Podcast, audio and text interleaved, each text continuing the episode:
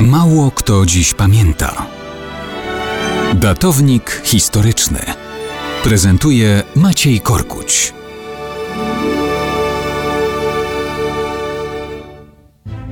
Dzisiaj wszystkie oczy będą skupione na 40. rocznicy porozumień gdańskich z 1980 roku.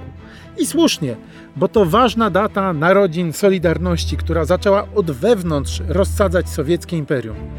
Ale mało kto dzisiaj będzie pamiętać o jeszcze bardziej okrągłej, bo setnej rocznicy bitwy pod Komarowem z 31 sierpnia 1920 roku.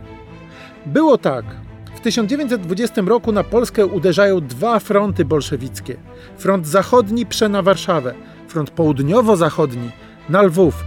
Oba miasta wytrzymują, a polskie uderzenie z Nadwieprza przesądza o zwycięstwie w bitwie warszawskiej. Ale było to zwycięstwo nad wojskami frontu zachodniego. Nic nie jest definitywnie przesądzone.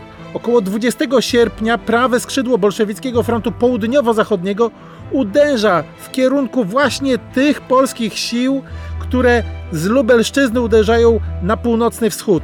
Chce wyjść na ich tyły, aby zmienić losy całej kampanii wojennej.